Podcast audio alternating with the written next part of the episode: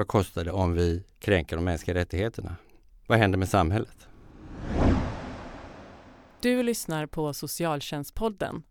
Idag pratar vi om mänskliga rättigheter. Vem är jag till för som socialarbetare? Står jag på den svaga sida? Står jag på maktens sida?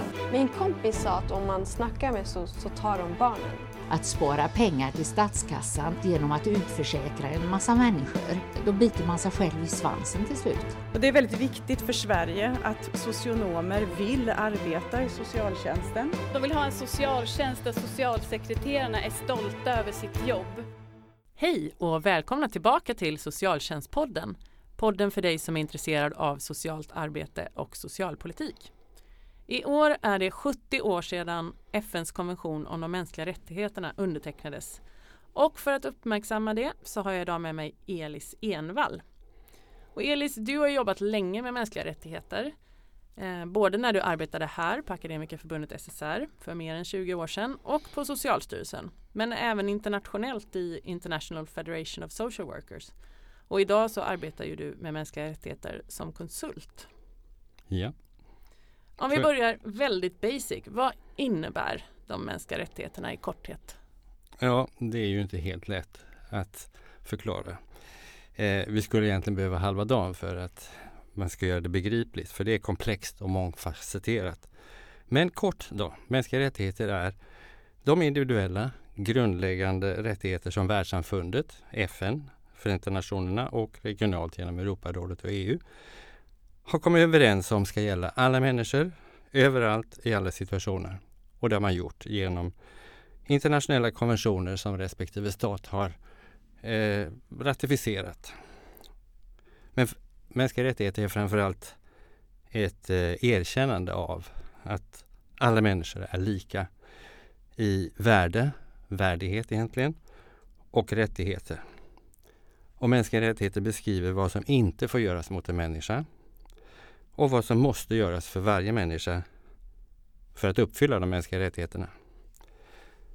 Statens ansvar omfattar att respektera, skydda och uppfylla mänskliga rättigheter. Och ansvaret är allas. Inte bara staten i form av regering och riksdag och statliga myndigheter utan kommuner och landsting och alla som arbetar för det offentliga eller Så allmänna. Att, eh, staten har ett ansvar men egentligen alla aktörer eller vi alla har ansvar att respektera de mänskliga rättigheterna för alla som Skydda befinner och sig uppfylla. skydda och uppfylla för alla som befinner sig i Sverige. Ja. Och centrala rättigheter som är i allmänna förklaringen är liv och frihet och lika behandling, rätt till rationalitet och lik eh, skydd för familj och privatliv och så vidare. Eh, sen finns rimlig levnadsstandard och social trygghet, hälsa och välbefinnande i olika konventioner men även i allmänna förklaringen. Eh, särskilt viktigt för socialt arbete är konventionen om ekonomiska, sociala och kulturella rättigheter. Okay. Som bland annat den brukar kallas för ESK-konventionen, kortfattat. Och det handlar om rätt till arbete och rättvisa arbetsvillkor och det är rätt till fackföreningar och social trygghet och socialförsäkringar. Skydd för familjen, kvinnor, barn, ungdomar och rätt till en rimlig levnadsstandard. Mm. Rätt till hälsa och rätt till utbildning. Sen också kulturella rättigheter att delta i kulturliv och så vidare. Men den rätt till levnadsstandard, är den specificerad på något sätt? Uh, nej, inte närmare. Uh, skulle jag säga utan den är rimlig. Uh, när det gäller, man har gjort mycket mer på hälsa, rätten okay. till hälsa inom FN än på levnadsstandard. För där borde För det varierar så väldigt väl. mycket. Ja, jo, det varierar så väldigt mycket mellan de olika länderna. Ja. Framförallt då när man började var det väldigt stora skillnader mellan länderna. Även idag. Men mitt intryck är att när vi pratar om mänskliga rättigheter i Sverige, då pratar vi väldigt ofta om någonting som händer någon utanför Sverige. Eh, mänskliga rättigheter i Sverige där vår bild är ju att vi respekterar mänskliga rättigheter. Det är mer diktaturer och eh, sådana länder som inte respekterar mänskliga rättigheter. Eh, varför tänker du att det är så? Ja, alltså det stämmer nog väldigt väl med hur det ser ut i det dagliga livet, det politiska och i samhället i övrigt. Och det finns tre myter som man har konstaterat bland folk i allmänhet, inklusive politiker och statstjänstemän och kommunala tjänstemän. Att mänskliga rättigheter behöver vi inte jobba med här eftersom vi redan har det så bra. Mm. Eh, demokrati och mänskliga rättigheter är samma sak och vi har ju demokrati. Så vi har dem- mänskliga rättigheter. Ja. Eh, och också mera personligt, så här, jag behöver inte lära mig om mänskliga rättigheter eftersom jag redan respekterar människor. Och frågor och funderingar finns också som man kan uttrycka som att det är inte mest en samling vackra ord och krångligt och högtravande och svårt att förstå. Ja, och har det, det verkligen någon relevans? Och det tycker jag är viktigt för arbetet i socialtjänsten eller hälso och sjukvården. Vi följer lagarna. Precis, vi följer ju socialtjänstlagen och, och utifrån vetenskap och beprövad erfarenhet och så våra professionsetik också. Ja. Räcker inte det? Nej, det gör det inte. Okay. Det finns väldigt mycket. Om man tittar på svensk lag så finns det mycket i den som motsvarar mänskliga rättigheter som grundlagen med Europakonventionen och diskrimineringslagen och nationella minoriteters rättigheter eh, och att barnets bästa finns i olika lagar. Mm. Och så finns det en princip om att svensk lagstiftning eh, ska tolkas enligt konventionskonformitetsprincipen. Ja, och, och vad betyder det då? Och det betyder att när man stiftar lagar och när man tolkar lagar så ska det överensstämma med de konventioner som vi har ratificerat och ja. skrivit på. Det sker i väldigt liten utsträckning. Eh, gäller mest när det gäller tolkning av, av eh, prövning i domstol som kan gå till Europadomstolen, mm. EU-domstolen eller de olika FN-organ som har erkänt rätten till prövning i den. Och det finns alltså demokrati, diskriminering är ju väldigt bra på många sätt. Att det finns tydligt i, vår, i, i våra lagar. Men det är inte detsamma som mänskliga rättigheter.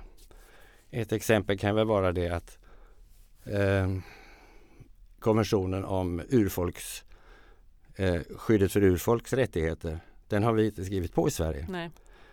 Eh, och det är demokratiskt bestämt. Men det bryter mot deras grundläggande rättigheter. Alltså uppfyller det inte mänskliga rättigheter. Mm. Men vi är inte bundna av den eftersom vi inte har skrivit på den. Och det är en kritik som vi återkommande får. Men sen om man då tänker i socialtjänsten så är, handlar det ju ofta om att väga olika personers mänskliga rättigheter mot varandra. Om man nu tänker att man jobbar med familjer och barn. Så handlar det ju både om föräldrars rättigheter att få vara föräldrar över sitt barn ja. kontra barns rättigheter att få växa upp i en, en trygg miljö och um, att kunna utvecklas maximalt. Ja, och eh, det är ju så att eh, allmänna förklaringen slutar med att de här rättigheterna gäller bara så länge man inte kränker andras ja. mänskliga rättigheter.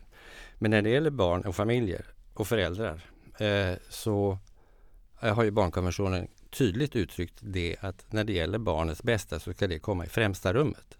Så då går barnkonventionen före? Nej, barnets rätt, barnets rätt. går före.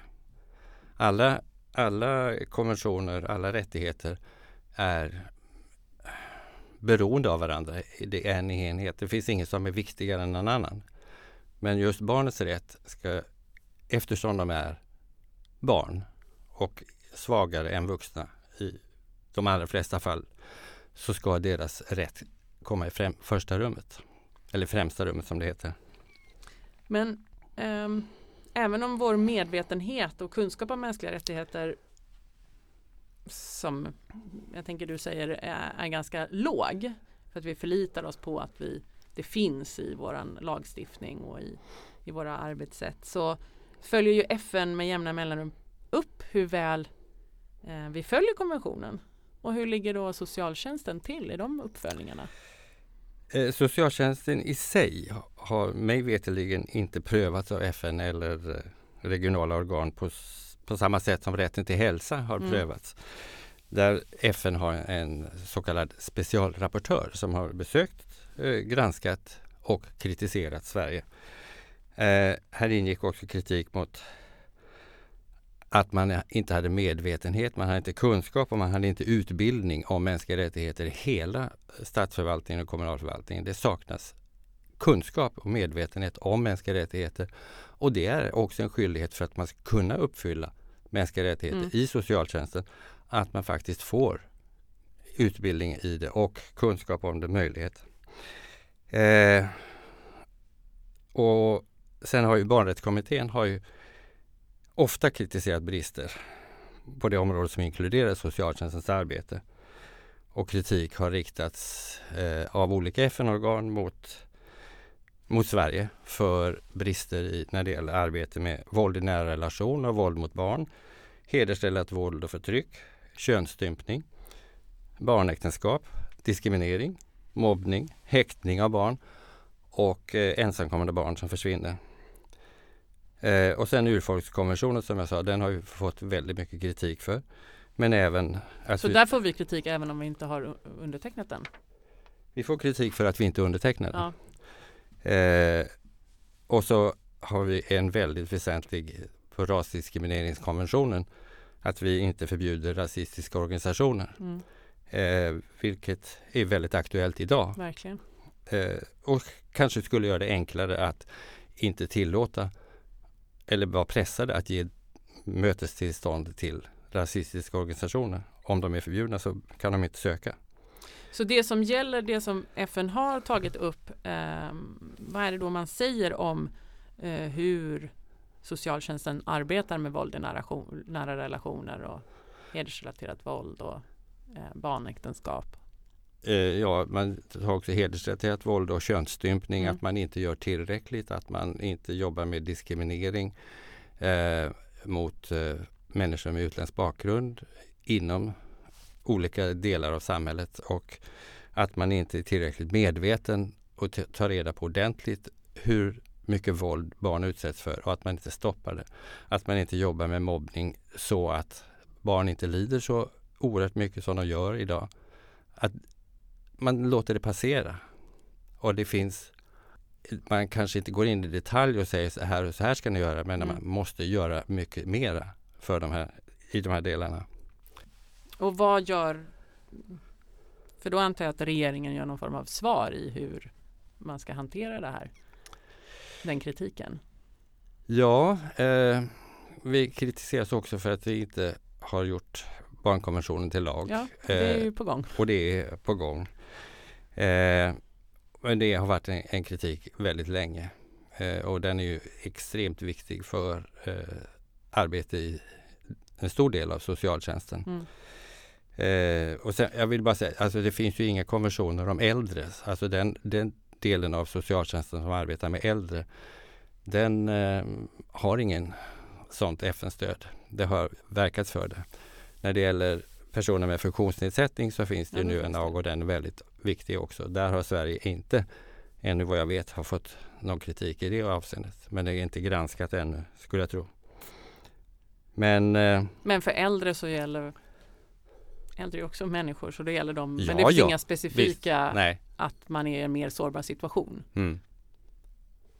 Um, men samtidigt du säger att det saknas kunskap så har vi ju eh, socionomexamen och hälso och sjukvårdsyrkena de har ju redan som examensmål att man ska ta särskilt beaktande till de mänskliga rättigheterna när man gör bedömningar. Det måste ju lärosätena visa att ja, alltså de kan förbereda professionerna på det. Ja, eh, examensmål, vilket jag tycker är lite vagt kanske. Eh, det räcker inte, man måste ha en gedigen utbildning inom socionomprogrammen men också inom hela eh, statsapparaten eh, och socialtjänsten inklusive. Plus alla som arbetar för offentligt finansierade. Så det måste vara tydligare mål då? Ja. Från, från, I högskoleförordningen att man ska ha kunskap och Ja, alltså, Sverige har haft ett antal handlingsplaner där man har sagt att man ska utbilda hela statsapparaten. Ja. Mm, det är inte löpande, det är inte, det är inte återkommande. Det är Eh, inte en del i det dagliga arbetet som Nej, jag gjorde själv det i Socialstyrelsen och eh, drev den utbildningen som var där. Men det var en engångsföreteelse även om de allra flesta i utvärderingen sa att vi behöver mera. Mm. Vi behöver återkommande. För att sen, det faller bort, man Mm. tappar bort det. Och väldigt mycket av det handlar om att vi i lagstiftningen och i socialtjänsten i synnerhet så jobbar vi utifrån behov Mm. och inte utifrån rättigheter. Och det blir en väldig skillnad om man arbetar rättighetsbaserat jämfört med om man jobbar behovsbaserat. Men det kräver lite längre tid för att förklara. Ja. Ehm, men frågan om papperslösas rättigheter har ju på många sätt aktualiserat hur vi hanterar mänskliga rättigheter i Sverige. Är vi ovana vid att människor har rättigheter trots att de inte har rätt att vara i Sverige? Ja, i allra högsta grad.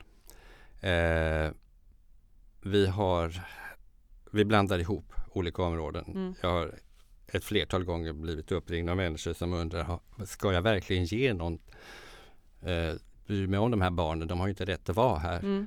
Eh, och det, är alltså, det är en sammanblandning av områden och socialtjänsten, skolan, hälso och sjukvården, de områden som socionomer arbetar inom mest.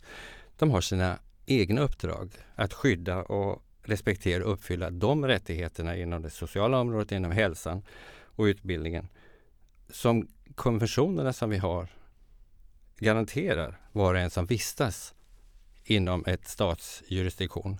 Och de här människorna vistas, då ska vi inte se om de har de ska inte ta hänsyn när de handlägger ärenden till om eh, en person inte har tillstånd att bo i Sverige.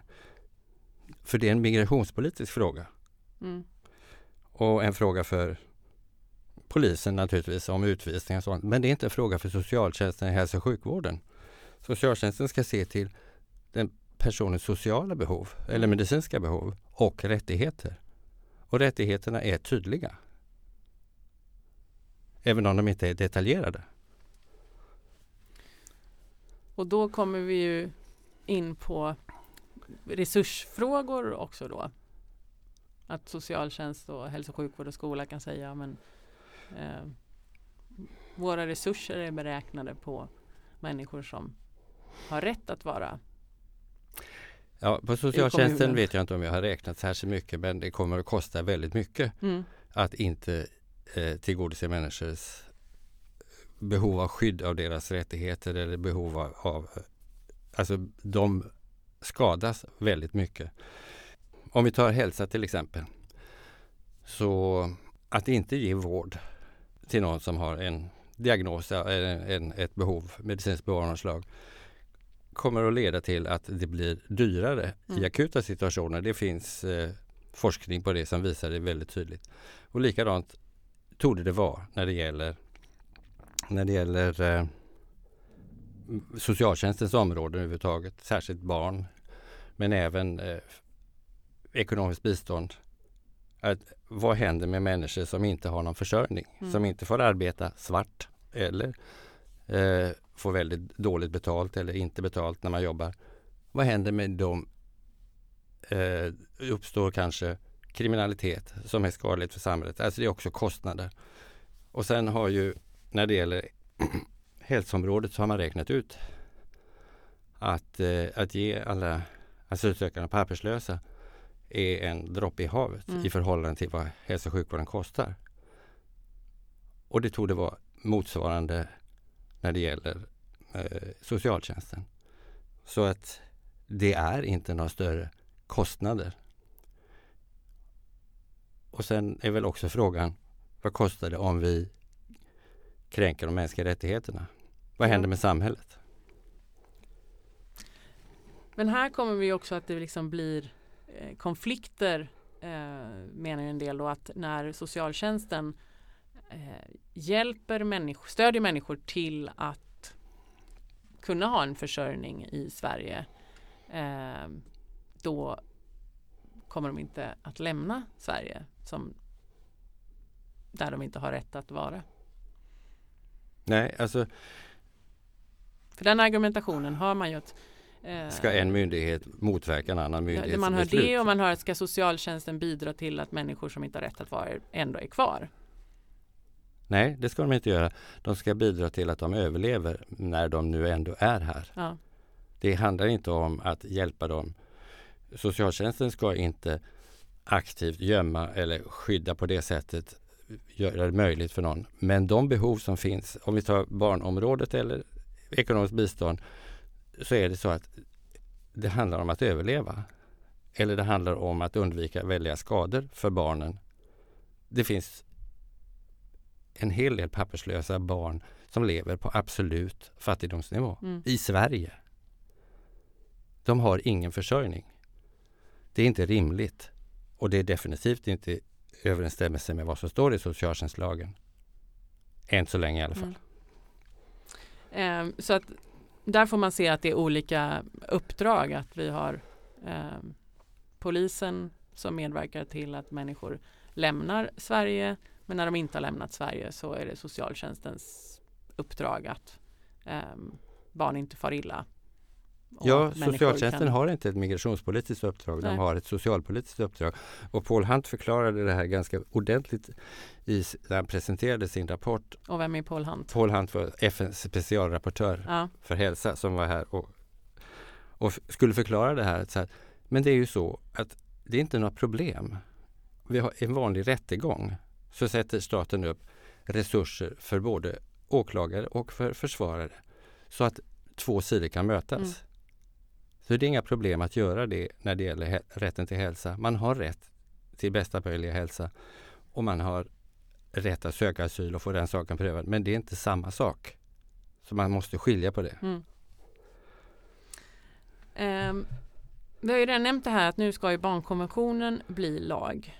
Ehm, och att det är mycket fokus på hur vi ehm, ska hur ska Sverige uppfylla barnkonventionen eh, och inkorporera den i, den i den svenska lagen. Tror du att konventionen om mänskliga rättigheterna liksom kan rida på den trenden att ehm, vi får någon hjälp av att inkorporera barns rättigheter i lagstiftningen. Att det också kan ge stöd för att eh, mänskliga rättigheter mer tydligt är, inkorporeras.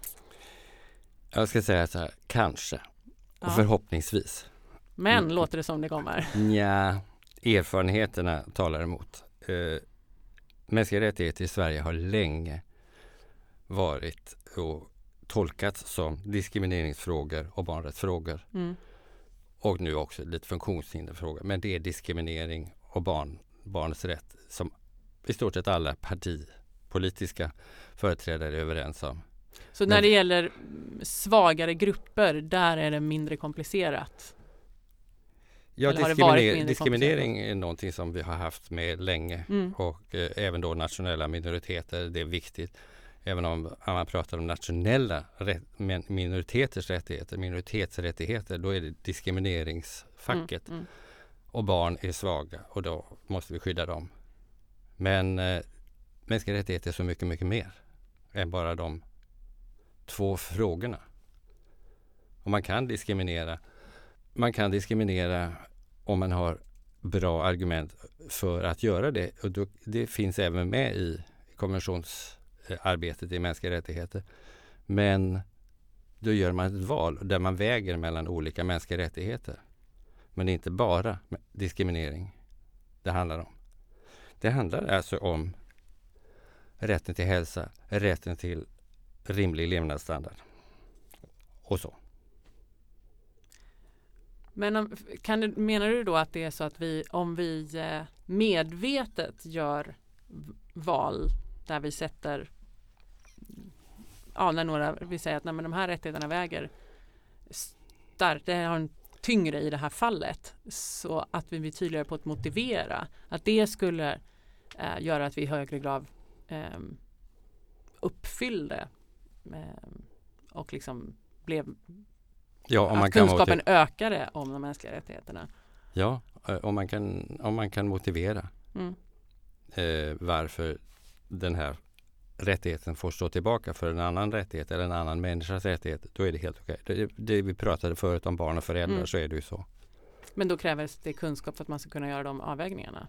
Ja, Ehm, men vad tänker du, ehm, vad behöver vi, vad behöver liksom, de som socionomer och andra som arbetar i socialtjänsten göra för att eh, arbeta mer i enlighet med mänskliga, de mänskliga rättigheterna parallellt med att man arbetar enligt socialtjänstlagen? ja det är väldigt bra att barnkonventionen blir svensk lag. Eh, men det kommer ändå inte innebära några större förändringar i, i, inom socialt arbetes områden, tror jag.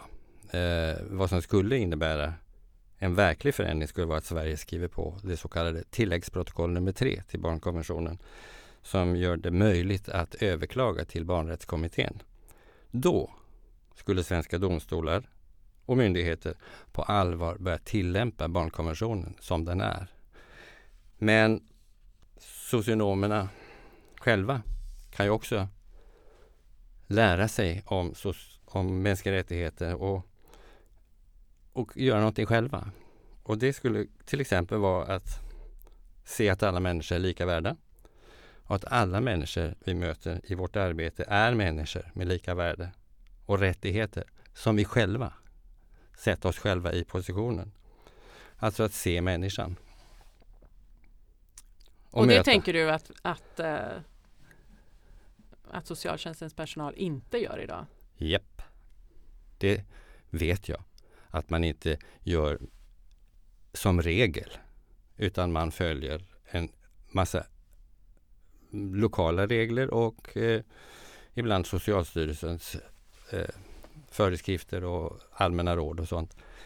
Men att se på människan i det enskilda fallet, det är eh, enkelt att möta henne eller honom som just det, som människa. Att uppmärksamma och bekräfta varje enskild person. Inte jag kan göra det här utifrån de lokala regler vi har. Vi har Mm. bestämt att det här utan eh, se det och tänka rättigheter istället för behov. Men där tänker jag att det är ju en sak vad vi kan göra i mötet med att se och bekräfta människor som människor och lika värda. Ehm, men en annan sak är ju vad kan vi, eh, vad kan vi, vilket form av stöd kan vi ge dem? Det är ju väldigt beroende på lokala förutsättningar. Ja, alltså jag är medveten om att man inte kan göra vad som helst och spendera pengar som inte finns budgeterade.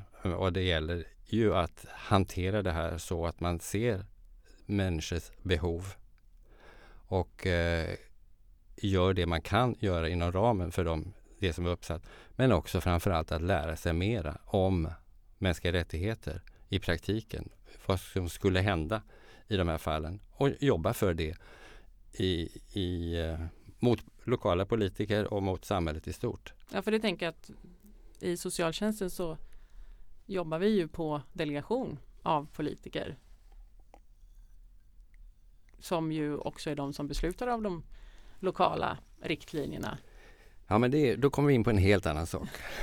Så att där tänker jag att, att det också är av ytterst vikt att även eh, politiker lär sig mer om Oh ja, mänskliga rättigheter. absolut, det gör det. Men eh, om vi pratar om att vi bara jobbar på delegation inom socialtjänsten, då är det en annan historia och där behöver vi ha betydligt större självständighet. Mm. Och ja, i likhet med vad vi nu mycket begränsat har. Men jag tänker det är ju också en skillnad i att, ehm, att socialtjänstlagen inte är en rättighetslag och det är ju också en, en avvägning från lagstiftaren Mm. att det inte är det. Det är en väldig skillnad på eh, hälso och sjukvårdslagen. Eh, eller det området.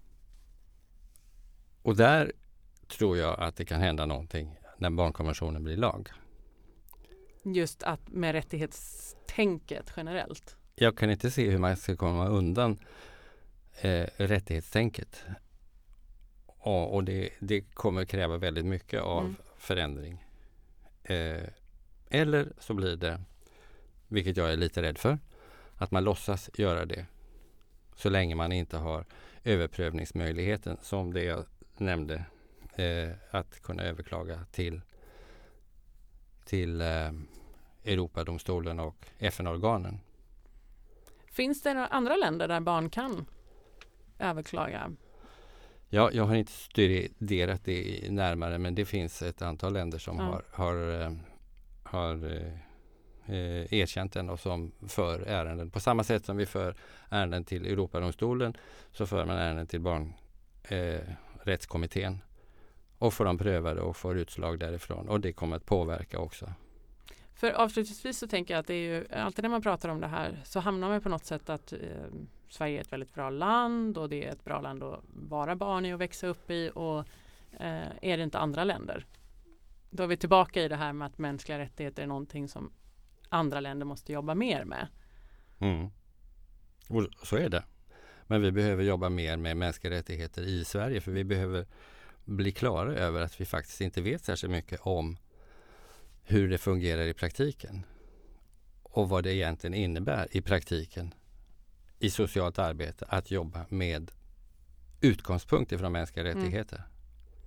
Och det är det som jag hade behövt mycket längre tid för att förklara. Ja.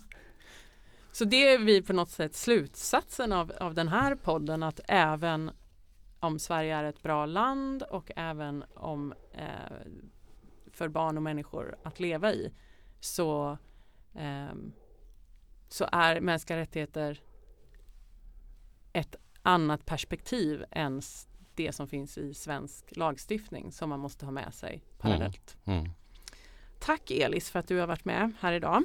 Och eh, om två veckor då är vi tillbaka med nytt avsnitt och då eh, kommer vi prata internationalisering i socialtjänsten med Elisabeth Bengtsson från Sollentuna kommun.